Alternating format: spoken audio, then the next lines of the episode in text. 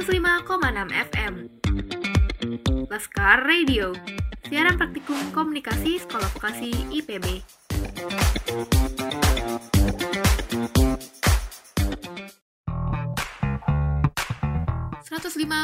FM WIB Waktu Indonesia Berbincang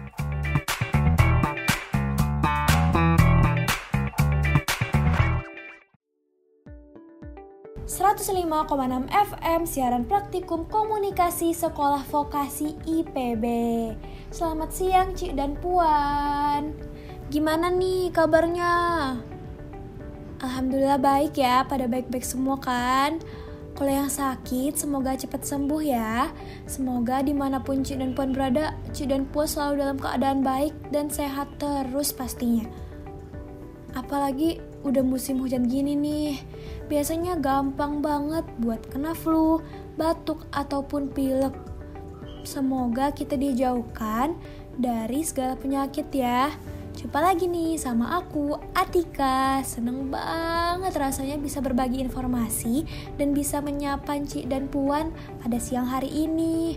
Walaupun cuacanya rada panas tapi tetap semangat ya menjalani semua aktivitas hari ini. Di mana lagi kalau bukan di Laskar Radio dalam program WIB Waktu Indonesia Berbincang, siaran praktikum komunikasi Sekolah Vokasi IPB. 105,6 FM WIB Waktu Indonesia Berbincang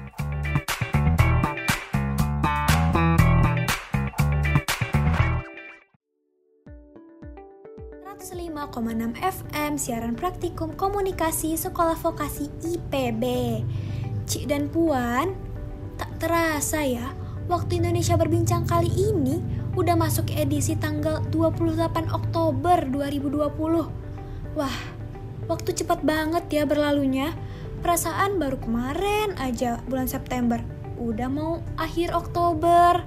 Hmm, ngomong-ngomong, Cik dan Puan Tahu nggak hari ini tuh hari apa?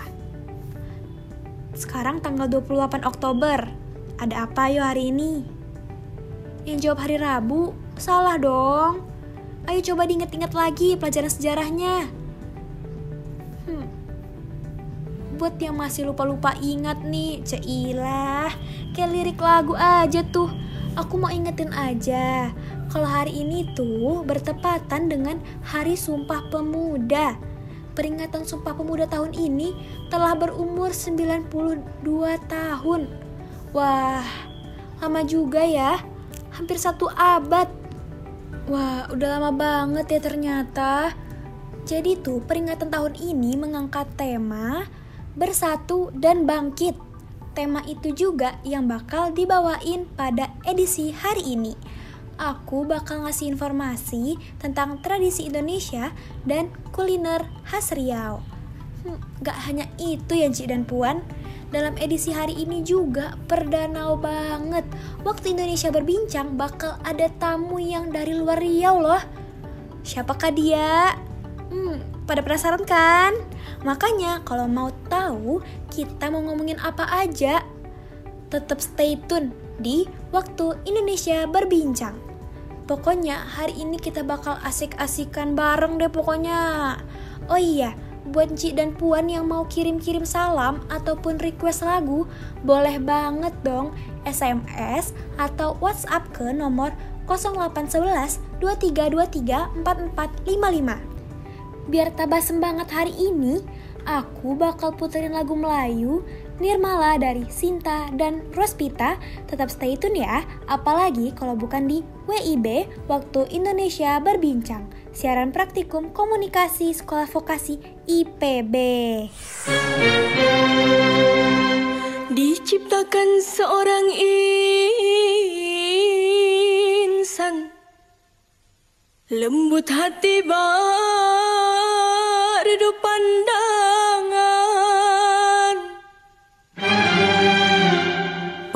berkata Seluruh alam Menyaksikan kesyahduan.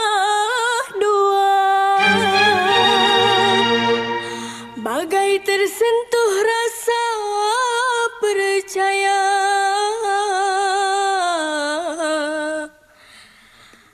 Tika terdengar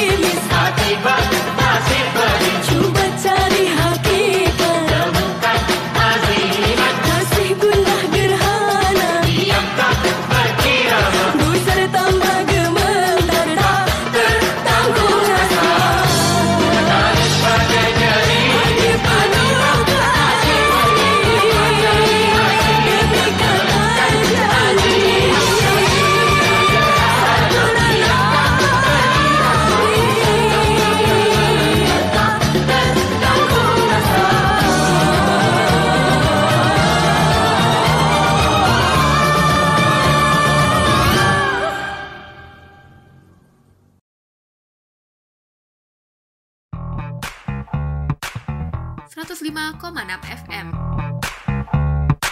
WIB Waktu Indonesia berbincang.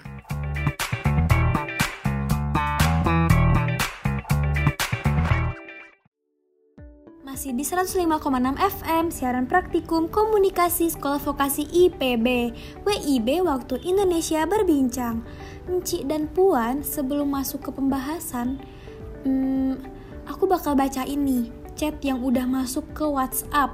Chat yang pertama ada dari nomor 08123378 sekian sekian.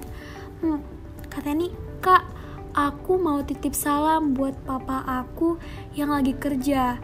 Pasti dia lagi dengerin Laskar Radio juga. Semangat kerjanya ya, Pah. Adek tunggu papa di rumah.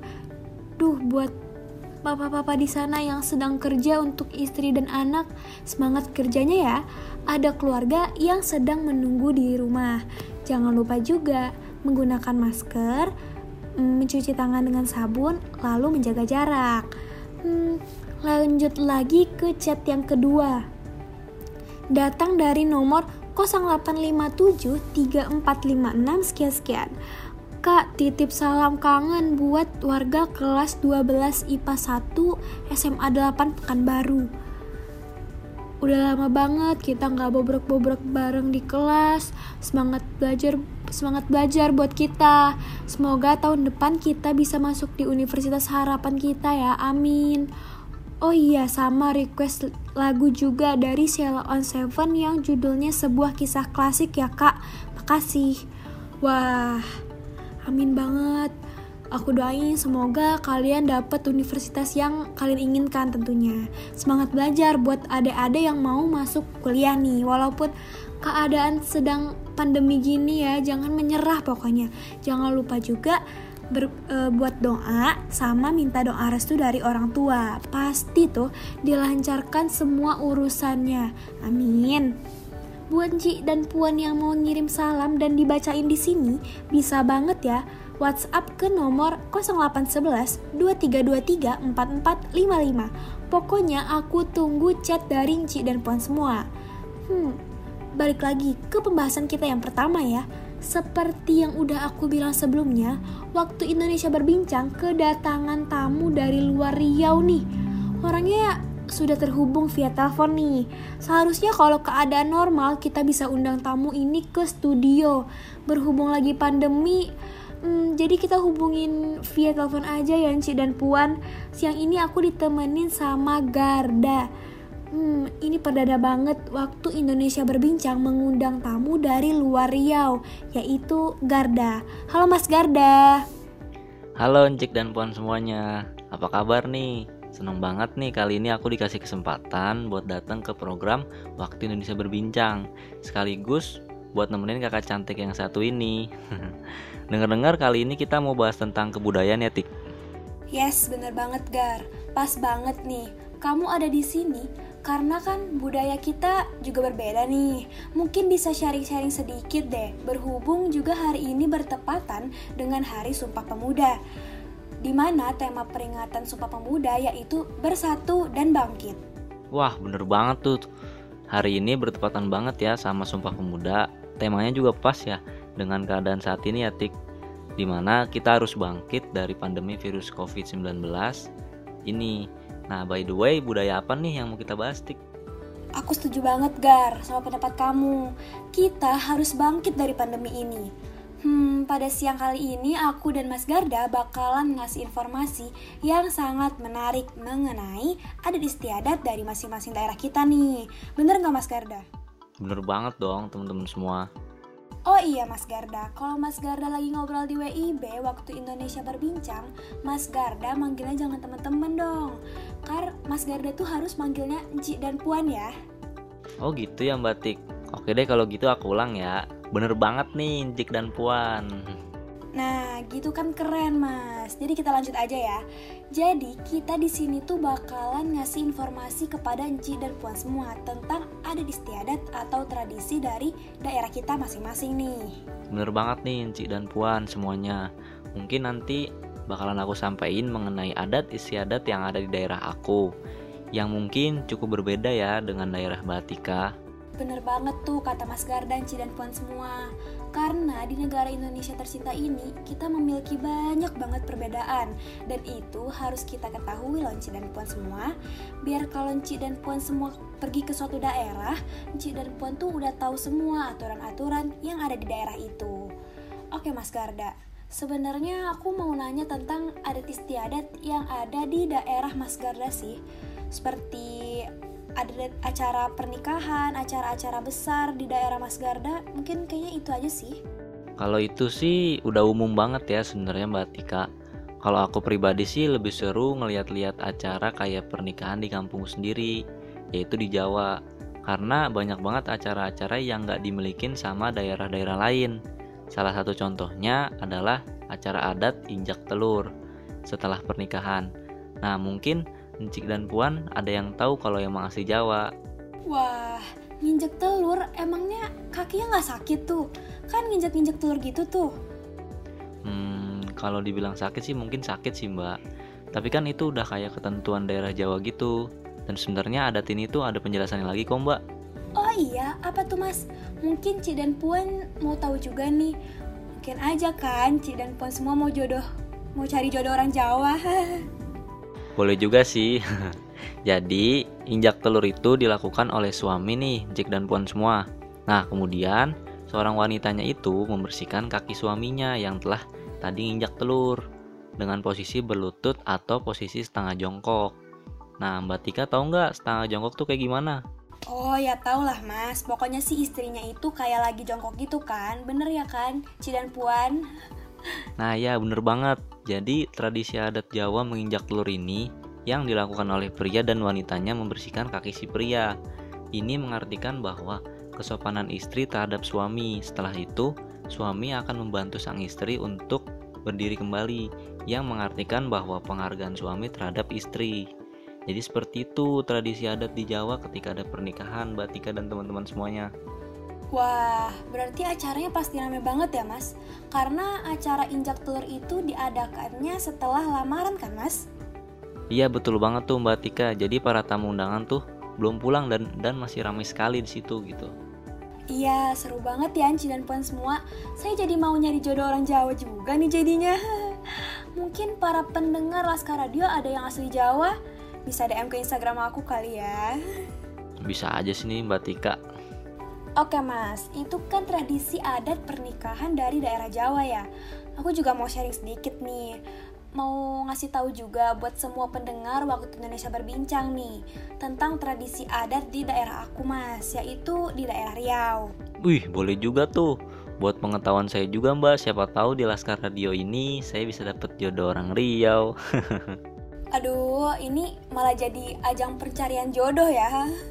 Oke, jadi tuh gini Anci dan Puan semua, kalau di daerah Jawa kan tadi ada yang namanya nginjak telur pada saat acara pernikahan. Kalau di daerah Riau sendiri ada namanya adat berkompoi nih Ci dan Puan semua. Jadi berkompoi itu tuh bahasa Indonesianya diarak. Jadi setelah sah menjadi pasangan suami istri, kedua pengantin akan diajak berkeliling kampung dengan disertai alat musik tradisional. Hmm, kayak organ gitu loh. Pasti Ci dan Puan semua pada tahu kan? Mas Gara tahu nggak nih? Aduh, saya nggak tahu Mbak karena belum lihat sama sekali tradisi kayak gitu.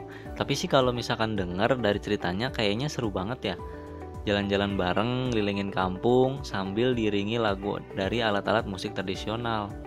Wah, jelas banget mas. Ini tuh seru banget. Karena semua orang sekitar tuh pada ngeliatin. Bahkan sampai-sampai jalanan ma- bisa macet. Jadi berasa artis sehari gitu. Aduh, ganggu pengguna jalan juga dong Mbak. Tapi nggak apa-apa sih, seumur hidup sekali ya kan kayak gitu. Kecuali mau nikah dua kali ya Mbak. Hah, bisa aja sih nih Mas Garda. Oh iya Mas Garda, aku mau tanya nih. Ada nggak sih upacara gitu yang biasanya diadakan satu tahun sekali? Sebenarnya banyak ya tradisi yang biasanya diadakan satu kali dalam setahun. Tapi berhubung lusa adalah hari Maulid Nabi Muhammad SAW, jadi aku bakal jawab tradisi sekaten. Wah, apa tuh Mas Garda? Kayaknya Tika baru dengar tradisi skatenan deh. Sebenarnya tradisi ini udah cukup terkenal loh Mbak Tika, terutama di daerah Keraton, Surakarta, dan Keraton Jogja. Bahkan masyarakat yang berasal dari luar Surakarta dan Jogja biasanya ikut menonton tradisi ini dan turut meramaikannya. Jadi sekaten ini diadakan oleh keraton gitu ya mas? Bisa dijelaskan nggak mas sejarah prosesi tradisi sekaten itu gimana? Mungkin Ci dan Puan juga pengen denger gitu kan? Soalnya aku juga kepo. Iya, bisa dibilang kayak gitu. Tradisi ini dimulai dari zaman Kerajaan Demak yang merupakan kerajaan Islam di Pulau Jawa. Nah, karena saat itu para sunan dan wali sedang gencar-gencarnya menyebarkan agama Islam, maka dibuatlah tradisi sekaten. Karena itu, masyarakat Jawa menyukai perayaan yang ramai. Nah, keramaian itu juga biasanya identik dengan musik gamelan. Tradisi sekaten dibuat dengan berbagai perayaan yang menyongsong hari kelahiran Nabi Muhammad SAW. Oh begitu ceritanya Ci dan Puan Berasa lagi dengerin guru sejarah dulu ya Kalau prosesi acaranya gimana nih Mas Garda? Untuk puncak acaranya itu sendiri ditandai dengan acara Grebek Mauludan. Nah, grebek ini diberikan oleh pihak keraton sebagai sedekah kepada masyarakat luas berupa gunungan yang berisi hasil bumi. Nah, warga sekitar ini percaya kalau misalkan bisa dapetin gunungan tadi akan terbebas dari bencana dan malapetaka loh. Berarti berebutan gitu ya Mas? Kebayang sih rasanya empat-empatan sama orang banyak tadi buat dapetin hasil gunungan. Iya mbak, jadi tantangan itu di situ sebenarnya.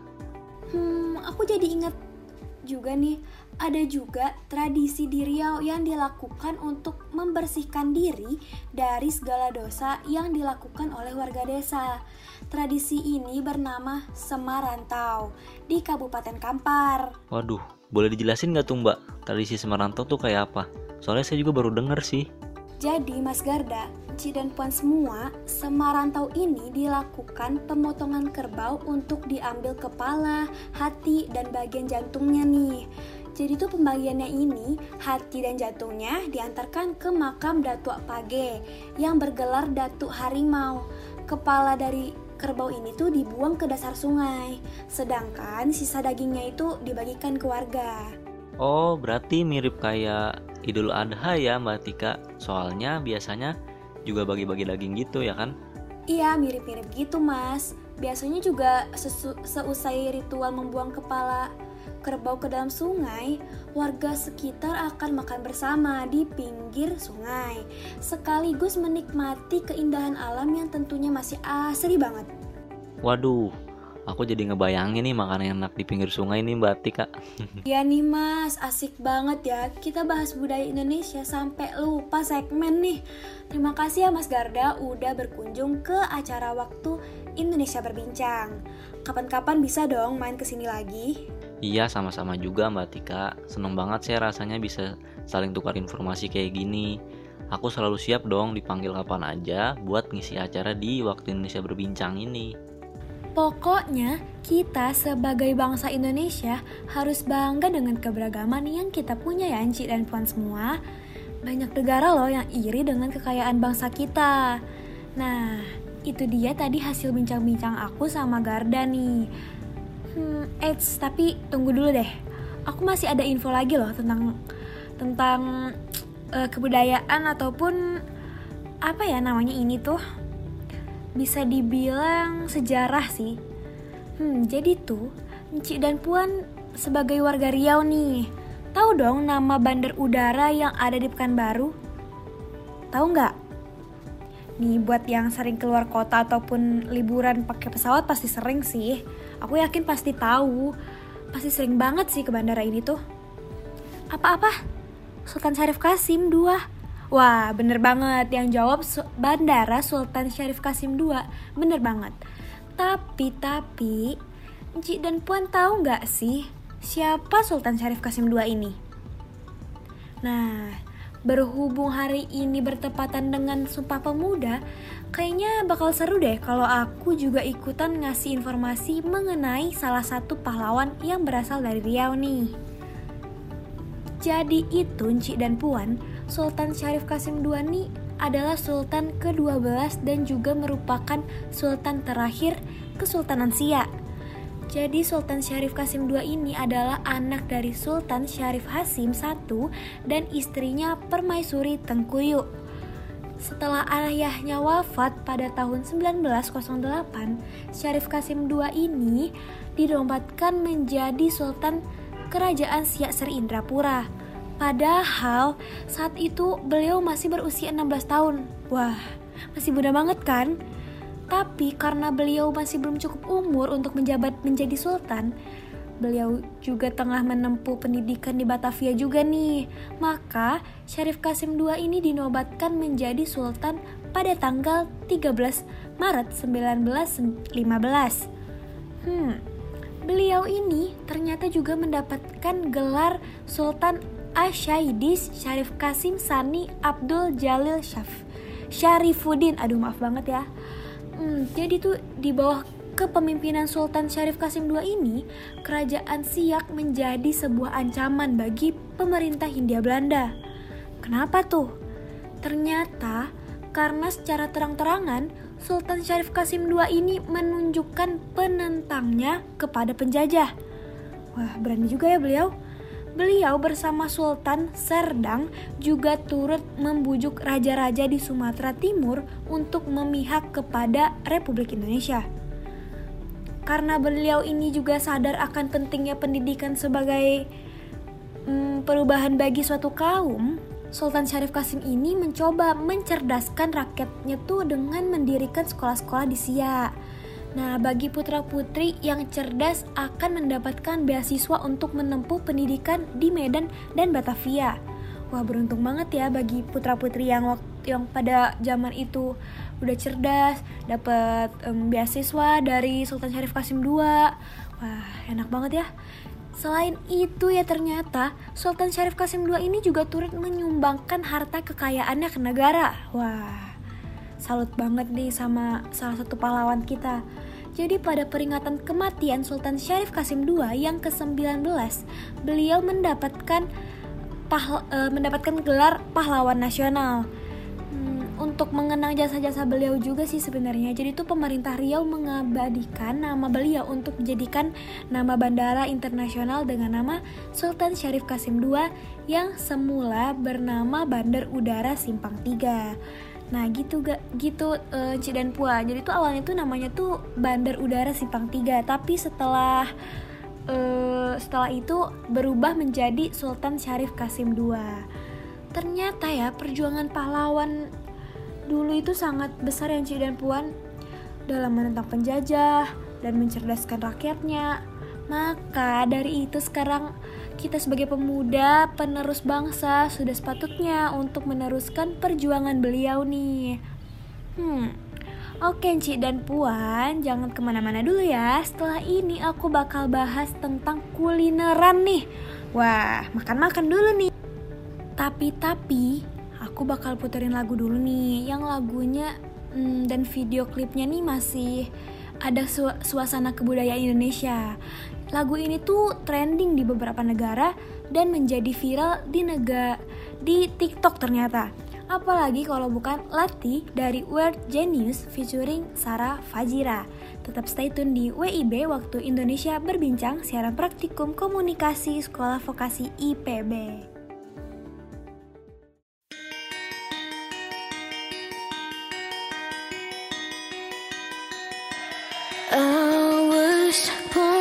For broken, all the rules.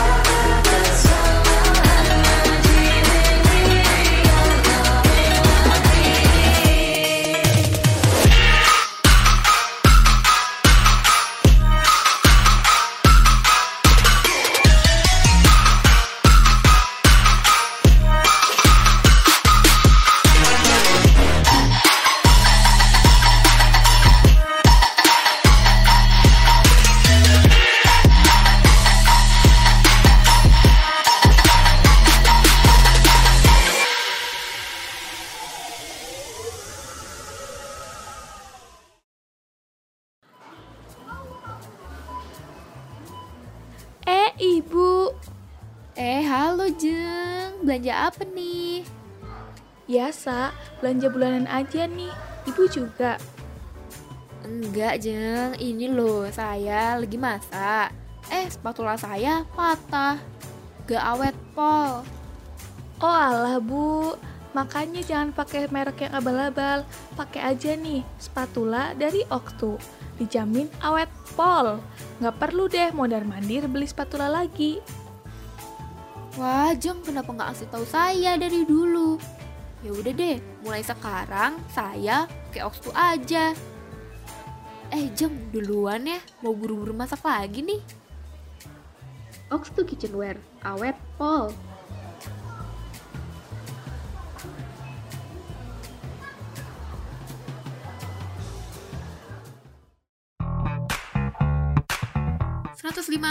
FM WIB Waktu Indonesia Berbincang.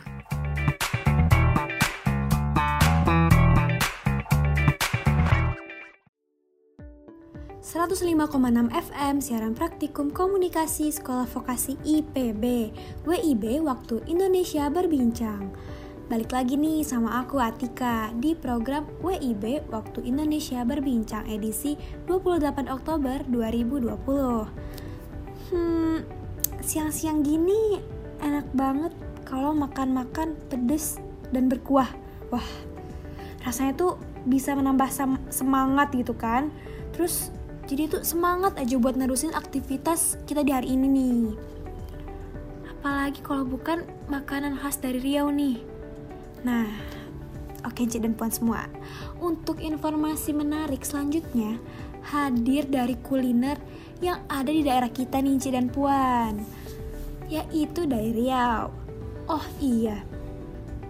Kali ini aku bakal ngasih informasinya sendirian nih udah gak ada cogan lagi yang mau nemenin aku tapi aku tetap semangat kok untuk ngasih informasi buat Encik dan Puan semua jadi Encik dan Puan semua makanan khas dari Riau tuh banyak banget tapi aku gak bakal nyebutin semuanya takutnya Encik dan Puan semua malah ngiler dengerin aku ngomong nah jadi yang pertama itu ada makanan khas dari Riau yaitu sup tunjang. Siapa yang nggak tahu sup tunjang? Kenikmatannya tuh sungguh hakiki nggak sih? Oh my god, sup tunjang ini tuh pas banget nih buat disantap pas lagi terik matahari panas gini, apalagi ditambah sambal yang sangat pedes gitu kan. Wah, itu mantep banget sih rasanya. Oh iya, Ci dan Puan semua. By the way, Sup tunjang ini tuh terbuat dari tulang kaki sapi yang masih dibalut dengan daging tebal ya. Wah, kuahnya tuh bening, rada kekuningan gitu sih dikit. Hmm, dagingnya tuh juga empuk. Aduh, ngebayanginnya aja tuh udah bu, uh, bikin perutnya tuh kayak bunyi-bunyi gitu tuh kan. Jadi tuh uh, dagingnya nih bisa lembut banget tuh karena direndam dengan rempah terlebih dahulu. Dalam menyajikan sup tunjang ini tuh juga disediakan sedotan. Loh, kok pakai sedotan sih gitu kan? Jadi tuh sedotannya tuh berguna untuk menjedot sumsum dari tulangnya. Kayak aduh nikmat banget deh. Ada juga nih tambahan wortel, kentang, tomat dan irisan daun bawang sebagai pelengkapnya. Cita rasa kaldunya nih sangat khas dan gurih pastinya. Jadi kuahnya ini tuh mempunyai aroma rempah yang sangat kuat karena tuh diracik dengan rempah-rempah, rempah-rempah, maaf ya, rempah-rempah seperti bawang, hmm, terus tuh kayu manis, cengkeh, jahe. Jadi tuh buat Ci dan Puan semua yang dari luar kota nih kan, misalnya lagi liburan gitu kayak ke Riau, tapi bingung mau makan apa ya gitu kan. Nah bisa nih. Aku ny nyaranin banget Ci dan Puan uh, nyobain sup tunjang ini. Karena sekalinya kalian nyobain tuh kalian bakal ketagihan banget deh percaya. Hmm, dan juga tuh sup tunjang ini tuh mudah banget loh ditemuinnya. Ditemuin di di mana ya uh, di pusat kota juga banyak tuh kayak waktu itu aku makan di Jalan Sudirman ada hmm, dan enak banget juga itu ya. Kal uh, aku ngerekomendasiin restoran itu.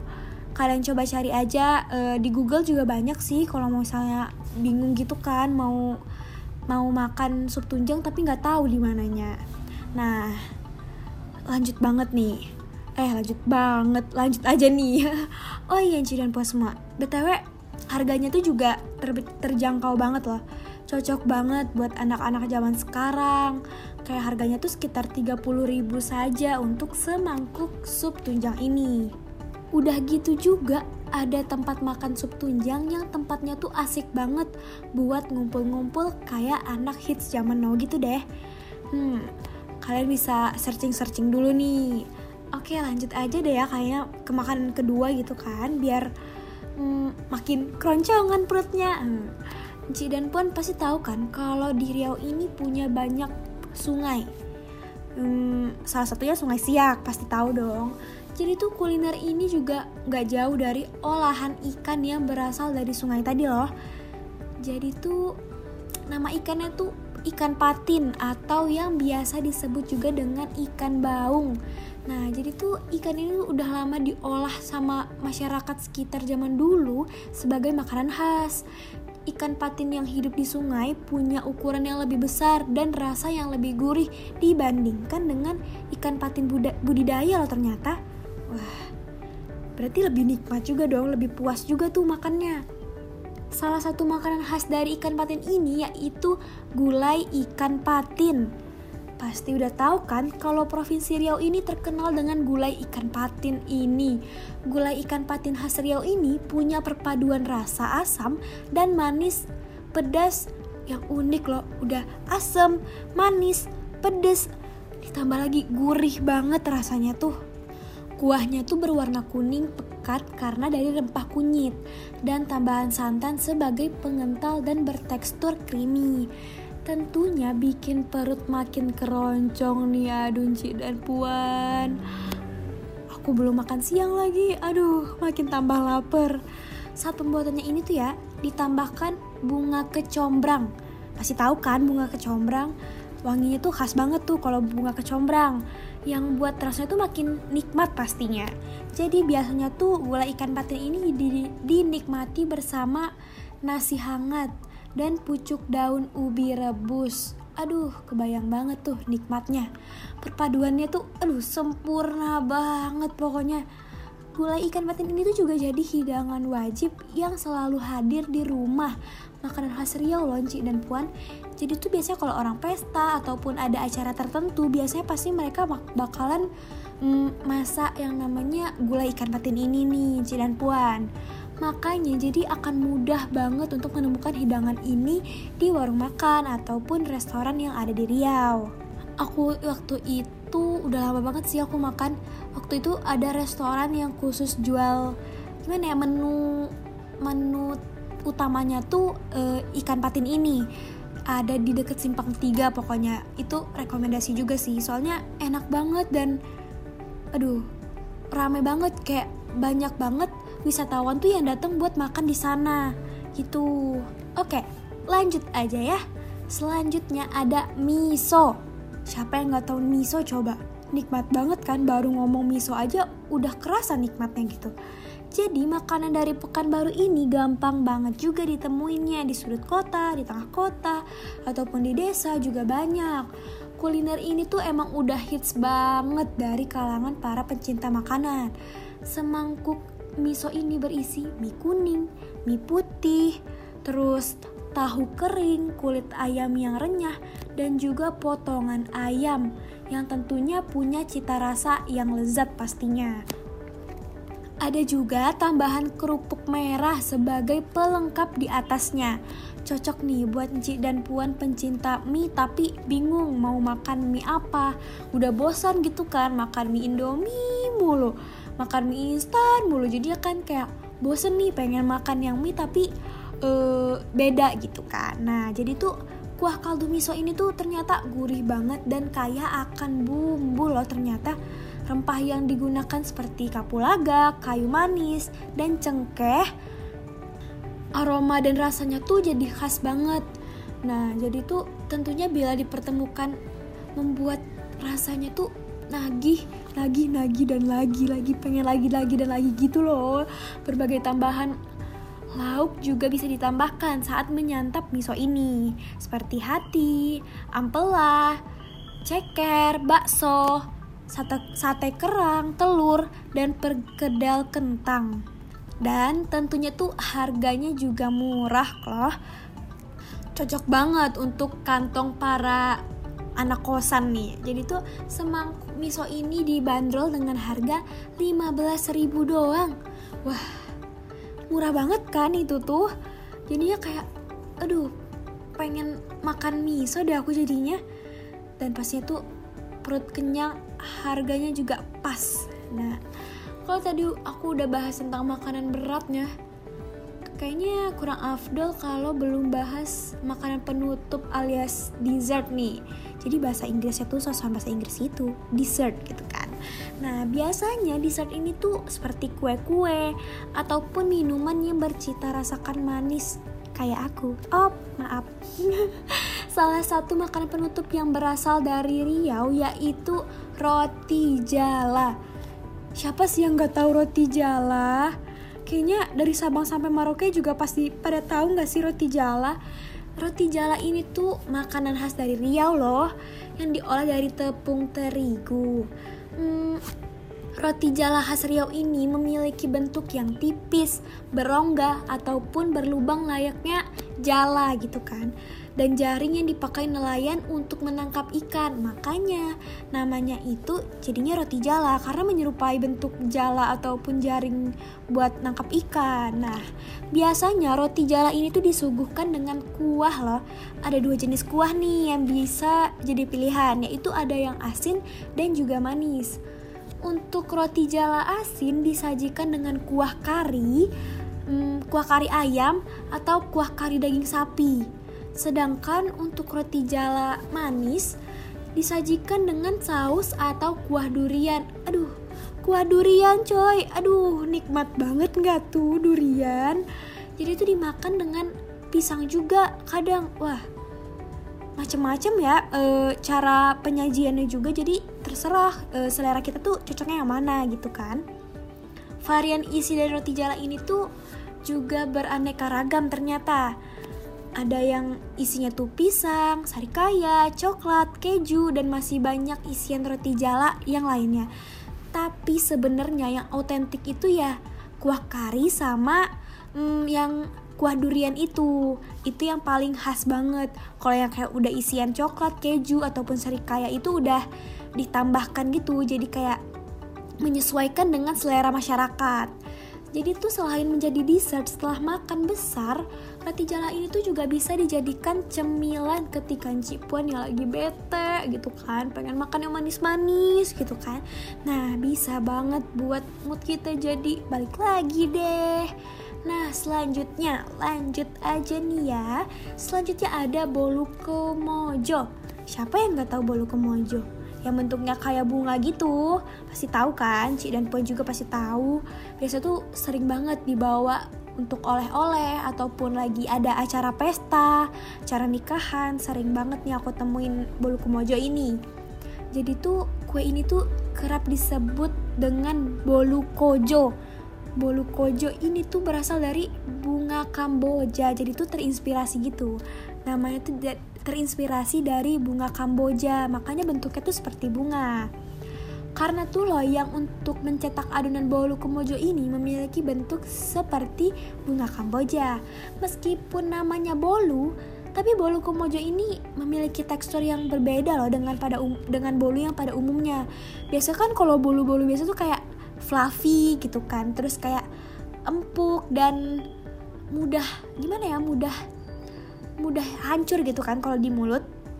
Nah, kalau bolu kumojo ini tuh beda, teksturnya tuh lebih padat dan lebih kenyal gitu loh.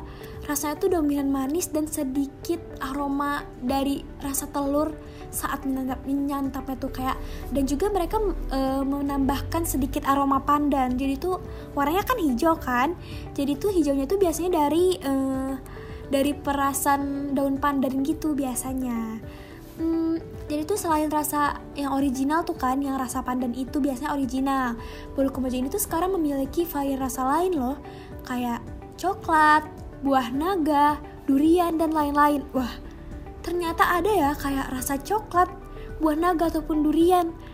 Ci dan Puan pernah nyoba gak sih? Sejujurnya aku baru pernah nyoba yang original doang nih, jadi penasaran deh rasa sama rasa-rasa yang lain. Hmm, jadi itu pewarna alami terus pewarna alaminya kan terbuat dari daun pandan ataupun daun suji nih. Jadi itu menambah aroma yang em, aroma khas gitu dari bolu komojo ini tuh. Masyarakat Riau sering membuat bolu komojo ini dengan gotong royong lah. Nah, karena biasanya bolu komojo ini tuh disajikan dalam jumlah yang banyak saat acara pesta ataupun upacara adat seperti kenduri, pesta pernikahan, maupun lebaran. Hmm, selain bisa disajikan eh, jadi makanan penutup bolu komojo ini juga bisa Encik dan Puan jadikan sebagai oleh-oleh khas Riau. Nah, itu tadi kan yang aku bilang. Jadi kayak eh, kalau misalnya ada wisatawan gitu pasti belinya bolu komojo karena emang khas banget dari Riau dan juga mudah gampang dicari. Hmm, kalau tadi udah bahas makanan makanan-makanan nih ya, sekarang aku bakal bahas minuman. Wah, panas-panas gini bahas yang seger-seger, hmm, enak banget ya. Yaitu es laksamana mengamuk. Hmm, laksamananya kenapa tuh ya sampai ngamuk gitu? Jadi itu ternyata minuman ini tuh emang punya nama yang unik dan pastinya juga punya sejarah dari nama ini.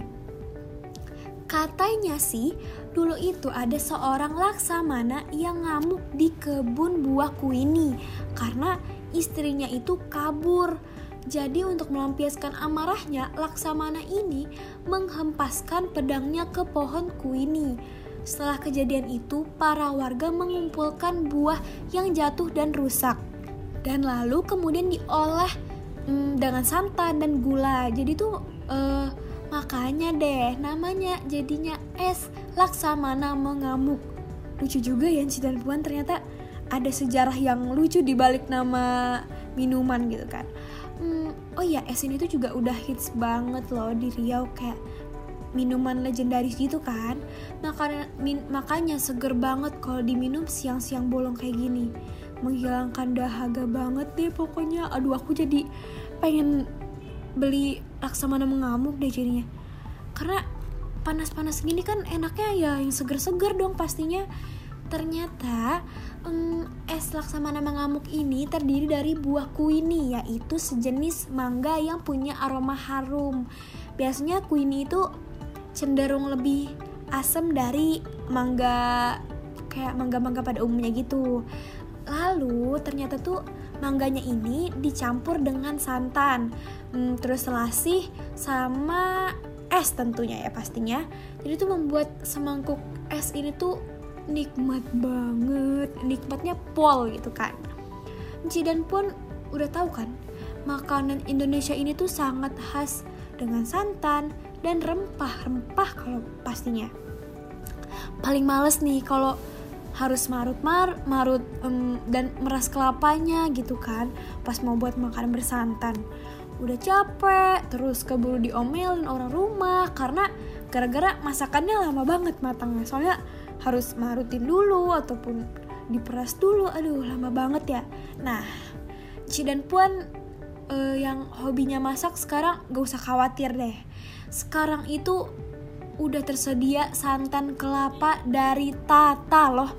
Wah, praktis banget pokoknya. Jadi tuh tinggal robek bungkusnya, terus masukin ke masakan kita. Nggak ada drama-drama capek marut ataupun capek merasnya. Aduh, nggak ada drama lagi. Jadi santan Tata ini juga mengandung fiber dan omega 3 dan 6 yang baik buat kesehatan jantung. Jadi, tunggu apa lagi? Beli santan Tata sekarang juga. Tata santan aslinya santan. Oke, Ci dan Puan, itu tadi informasi kulineran khas dari Riau. Favorit kalian yang mana nih? Kalau aku paling suka gulai ikan patin sih. Soalnya gurih dan Aduh, enak banget perpaduan rasanya tuh apalagi makannya siang-siang gini.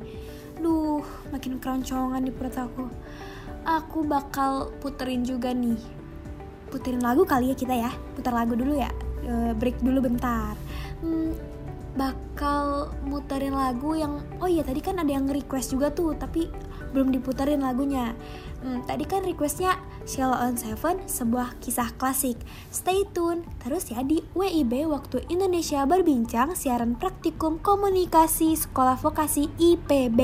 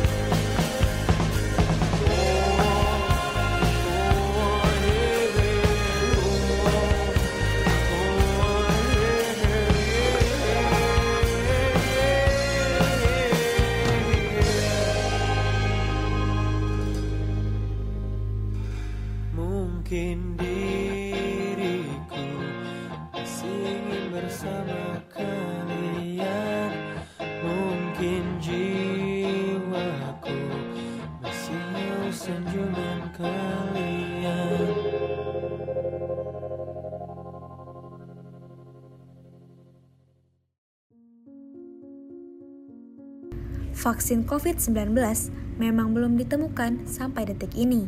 Namun, kita masih dapat mencegah dari bahaya virus ini. Pastinya, Ji dan Puan sudah mendengar jika virus ini menyerang pernapasan dan bisa menyebabkan kematian. Maka, jangan lupa gerakan 3M, memakai masker, mencuci tangan dengan sabun, dan menjaga jarak. Ingat, nyawa kita cuma satu, jadi sayangi diri kita dan orang yang berada di dekat kita. Tetap semangat, Corona pasti lewat. Iklan ini dipersembahkan oleh WIB Waktu Indonesia Berbincang. 105,6 FM. WIB, Waktu Indonesia Berbincang.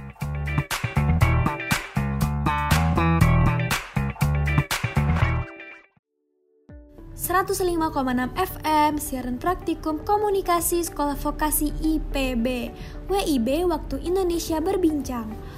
Aku mau bacain chat yang masuk dari WhatsApp nih. Ada dari 08227845 sekian-sekian Kak request lagu fotograf dari Ed Sheeran oke oke. Nanti bakal aku puterin ya, tapi di akhir acara nih. Soalnya kita udah mau mm, selesai juga kan. Sepertinya waktu aku buat nemenin Ci dan Puan udah habis juga kan.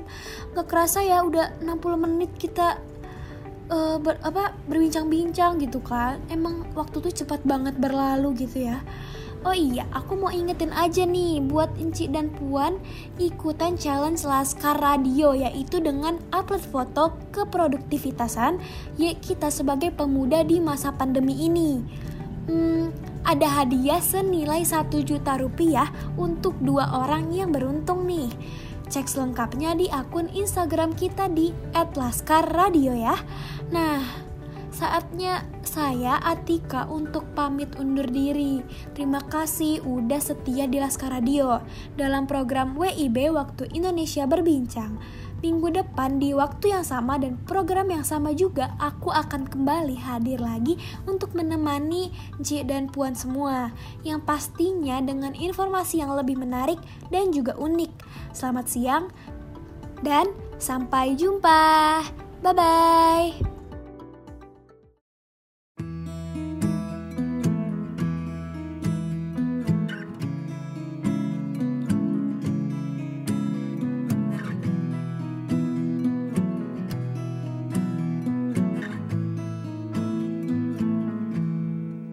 Loving can hurt. Loving can hurt sometimes. But it's the only thing that I know. When it gets hard, you know it can get hard sometimes. It is the only thing makes us feel alive. We keep this love in a photograph. We made these memories for ourselves. Where our eyes are never closing, hearts are never broken, and time's forever frozen still. So you can keep